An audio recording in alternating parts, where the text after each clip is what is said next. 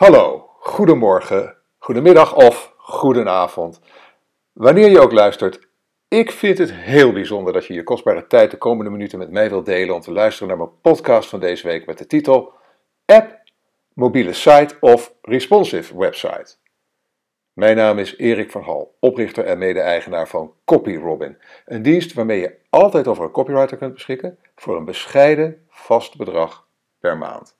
En natuurlijk oprichter van en blogger voor MediaWeb, het internetbureau uit Noordwijk dat is gespecialiseerd in responsive webdesign en e-commerce. Nou, als je de afgelopen drie jaar niet onder een steen hebt geleefd, dan weet je hoe belangrijk mobiel internet vandaag de dag is. En hopelijk heeft je organisatie al een mobielvriendelijke oplossing. Maar zo niet, ja, dan wordt het nu echt de allerhoogste tijd. Maar hoe pak je dat aan? Moet je een zogenaamde native app laten ontwikkelen, een webapp, een aparte mobiele site of een responsive website? Nou, in deze podcast neem ik je mee naar de voor- en nadelen van de verschillende oplossingen. En ja, in de blogpost die hoort bij deze podcast zit ook een mooie beslisboom, een, een, ja, een infographic uh, die je helpt om uh, op basis van uh, ja-nee antwoorden zelf in de basis al tot een goed besluit te komen. Maar je eerste stap is om alle buzzwoorden en hip jargon te vergeten en je te concentreren op de zakelijke doelstellingen van je bedrijf. Wat wil je bereiken bij gebruikers van smartphones? Wil je alleen maar de inhoud van je bestaande website geschikt maken voor smartphones? Of wil je juist een speciale dienst aanbieden voor mobiele gebruikers? Afhankelijk van je zakelijke doelstellingen en de wensen en eisen die daaruit voortvloeien, zul je waarschijnlijk uitkomen op één of meerdere van de volgende vier oplossingen. Ten eerste de native app. Zometeen leg ik, uh, als je niet precies weet wat het is, leg ik het zo meteen nog even uit. Of een mobiele website, oftewel ook eventueel een webapp. Een standaard responsive website of een adaptive responsive website.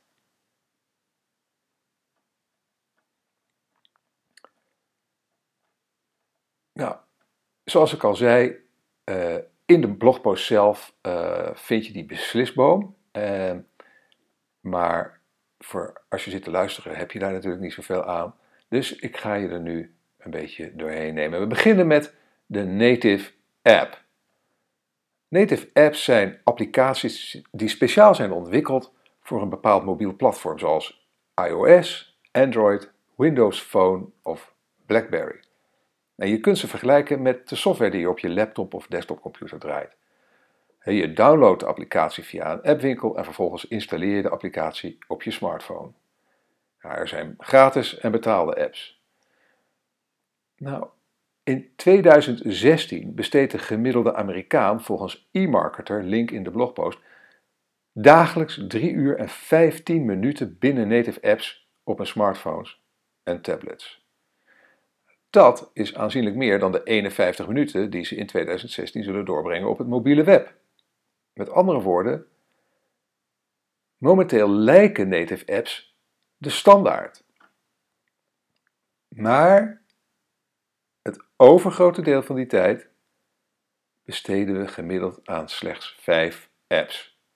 Welke apps dat zijn, verschilt per gebruiker, maar sociale media, berichten-apps, zoals eh, WhatsApp bijvoorbeeld, games en entertainment, ja, die nemen de hoofdmoot voor rekening. En de tijd die men doorbrengt op apps van bedrijven en organisaties valt daarbij in het niet. Nou, een bijkomend nadeel van native apps is dat je voor elk platform een aparte app moet maken. En dat is bijzonder kostbaar. En het beheren van de content kan bovendien omslachtig zijn, omdat het over verschillende apps moet, moet, moet onderhouden. Mobiele websites zijn websites, en dat is de volgende optie dus, na, na, na, na de native app is de volgende optie uh, die, uh, die, je, die je hebt als je de mobiele internet wil bedienen, een aparte mobiele website. Dat zijn dus websites die speciaal zijn ontwikkeld voor gebruik op smartphones en of tablets. En ze werken met de standaard webbrowsers en je hoeft ze dan ook niet als een losse applicatie te installeren. Een veel voorkomende aanpak is de zogenaamde M.site. Dit is een website met een eigen internetadres. Dus een eigen URL. Bijvoorbeeld m. Nou, de domeinnaam.nl bijvoorbeeld. Dus m.mediaweb.nl, maar die hebben wij dan niet, dus ga daar maar niet naartoe. Maar dat zou een voorbeeld kunnen zijn. Nou, en die website is dus bedoeld specifiek voor smartphones. En vaak is het een uitgeklede versie van de hoofdwebsite, van de desktop-website, met minder inhoud en minder functionaliteit. Maar ook maken veel ontwikkelaars webapps in plaats van, in plaats van native apps, zodat ze maar één app hoeft te ontwikkelen die werkt op alle platforms.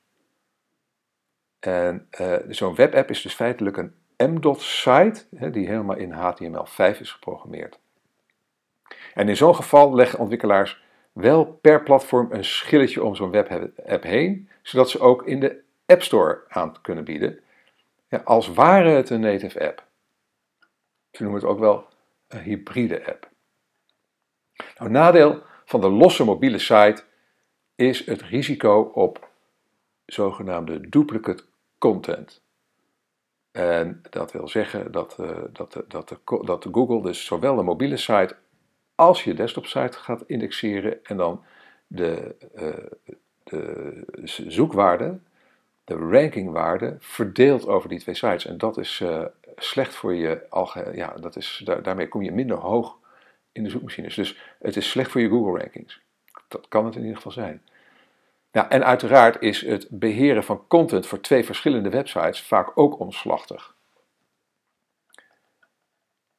De volgende optie, de derde optie die je hebt, dat is de standaard responsive website. Nou, een responsive website is een website die zodanig is ontworpen dat hij zichzelf aanpast aan elk denkbaar scherm. Van een minuscule smartwatch via een kleine smartphone, verschillende maten phablets, tablets en laptops met retina-schermen tot aan grote desktopschermen en zelfs smart TV's. En straks wellicht ook op het dashboard van je auto, de display van je koelkast en wat ze allemaal nog meer gaan verzinnen. Want de inhoud en de opmaak passen zich aan op basis van de gedetecteerde schermgrootte. Nou, dit geldt dus ook voor het resizen van je browserwindow. Als je nou eens naar, eh, naar onze website gaat, het, het kan CopyRobin zijn of MediaWeb, uh, dan kun je dat daar gewoon heel makkelijk proberen. Als je, de, eh, je de, de, het, het, scherm dan verkleint, hè, door, de, door, door je van rechts naar links het steeds smaller te maken, de, het schermpje waar je de website in bekijkt, dan zie je vanzelf hoe het werkt. Dan zie je hoe de website zich aanpast aan de grootte van het scherm. Nou, het grote voordeel van een responsive website is dat je maar één site hoeft te bouwen voor alle denkbare apparaten. Ook van apparaten die nu nog niet bestaan. En je hebt ook maar één CMS, wat het beheren van je content een stuk eenvoudiger maakt. Een nadeel van veel standaard responsive websites is dat ze op langzame telefoons met trage verbindingen erg traag kunnen zijn. De inhoud en de opmaak passen zich aan op basis van de gedetecteerde schermgrootte.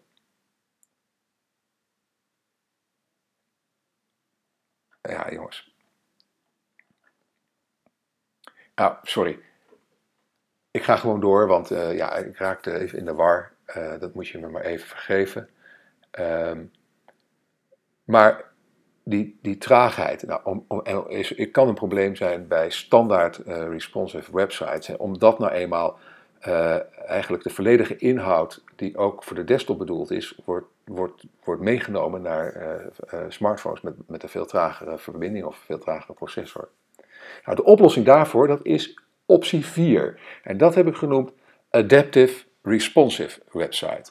Een Adaptive Responsive Website is als het ware een responsive website plus.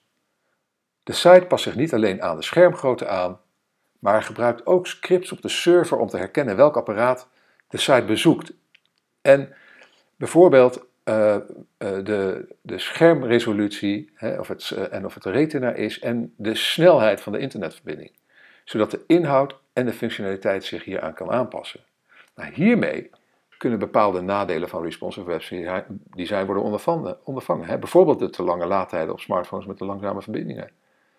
Bij een standaard responsive website, ja, dan, dan laden uh, die laden soms dus ontzettend traag, hè, omdat al die, al die data, dezelfde als van de desktop, over die uh, verbinding moet. En dat kan de ervaring voor de mobiele gebruiker behoorlijk ondermaats maken. Nou, ook het gebruik van, en de, eh, van uh, ook kan met het gebruik van Adaptive Responsive Design de gebruikerservaring van bezoekers met een smartphone dicht in de buurt komen van een native app.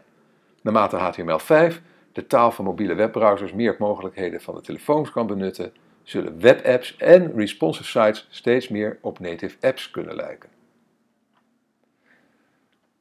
Nou, dan kom ik bij die uh, beslisboom en ik ga je er gewoon doorheen praten. Uh, maar let op, dit is een hulpmiddel. Hè. Het kan geen vervanging zijn van echt professioneel advies op maat door een expert. Neem daarvoor uiteraard contact op met MediaWeb. Goed, de eerste vraag die je jezelf stelt is: wil je gebruik maken van de volgende mogelijkheden van de telefoon? De accelerometer, de camera, het kompas, de contacten, media, video, foto's, notificaties, uh, push-and-pull messaging? Is het antwoord op daar ja, daarop ja, dan kun je gelijk door naar de native app. Is het antwoord daarop nee, dan is de volgende vraag: moet de inhoud van je applicatie ook zonder internetverbinding, dus offline, beschikbaar zijn? Als het antwoord daarop ja is, slaan we weer af naar de native app. Maar is het antwoord nee, hoef je dus niet je, uh, uh, de inhoud uh, offline beschikbaar te zijn. Hè? Is het oké als je altijd een internetverbinding nodig hebt voor de applicatie om te werken? Dan gaan we door naar de volgende vraag. Moet je website ook werken op grotere schermen? Laptops, desktops, smart tv's? Ja, als het antwoord daarop nee is, dan kun je naar een mobiele site of een webapp. Dan maak je je website specifiek voor smartphones en misschien de wat uh, kleinere uh, tablets. Is je antwoord ja, dan ga je door naar de volgende vraag. En dat is: moet je website aan één van de volgende eisen voldoen? Zich aanpassen aan langzame verbindingen door de inhoud intelligent te laden. Leesbaar zijn in alle browsers, dus ook hele eenvoudige mobiele browsers verschillende gebruikservaring voor verschillende apparaten bieden. Als het antwoord daarop nee is, dan kun je volstaan met standaard responsive webdesign. Maar is je antwoord op één van deze drie vragen, of één of meer van deze drie vragen, ja, dan kom je uit op Adaptive Responsive Webdesign. Nou, deze beslisboom beperkt zich tot objectieve, meetbare gegevens. Uiteraard kunnen er ook andere overwegingen zijn die je keuze bepalen. Voor veel organisaties is een responsive website de basis. Daarnaast bieden ze ook één of meerdere apps aan voor specifieke taken. En zo bieden alle grootbanken naast een responsive website waar je alle informatie kunt vinden, ook een app waarmee je snel en veilig online je bankzaken kunt regelen. Een andere overweging om te kiezen voor een app kan zijn dat je die kunt distribueren via de appwinkels van Apple, Google, Windows, BlackBerry, etc. Ook kun je bijvoorbeeld voor een standaard responsive design kiezen in plaats van een adaptive responsive design vanwege budgettaire beperkingen. Gebruik de beslisboom hè, in de blogpost dan vooral als een eerste filter. Nou, dat was het voor deze week. Bedankt voor het luisteren. Als je graag op de hoogte blijft Schrijf je erin op onze nieuwsbrief via bit.ly slash mediaweb-nieuwsbrief. Je kunt dan bovendien gratis deel 1 van mijn e-book Online Marketing Checklist downloaden. Nou, als je het veel plezier hebt geluisterd, ondanks mijn gestotter en gestuntel deze keer, laat dan een review achter bij SoundCloud of in de reacties onder de blogpost op onze website. En nogmaals, je luistert nu alweer een kwartier, als je nu nog luistert. En dat stel ik echt bijzonder op prijs. Ik vind dat echt heel erg bijzonder.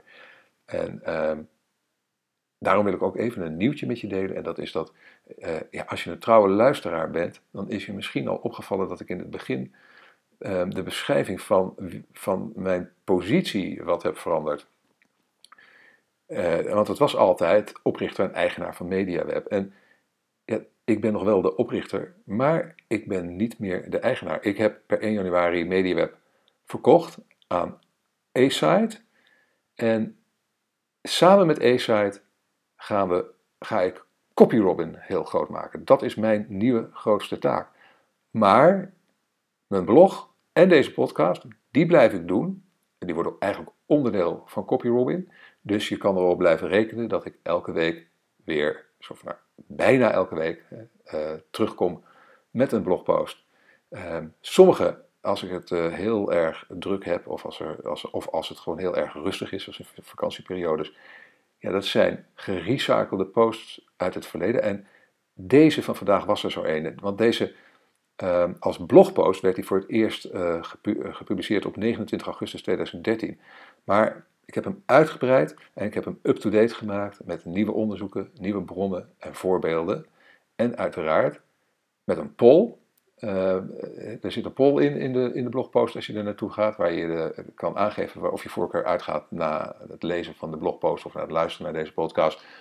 Uh, of je voorkeur uitgaat naar een native app, een mobiele website of webapp, een standaard responsive website, een adaptive responsive website, of misschien een combinatie van een app en, uh, en, en uh, responsive.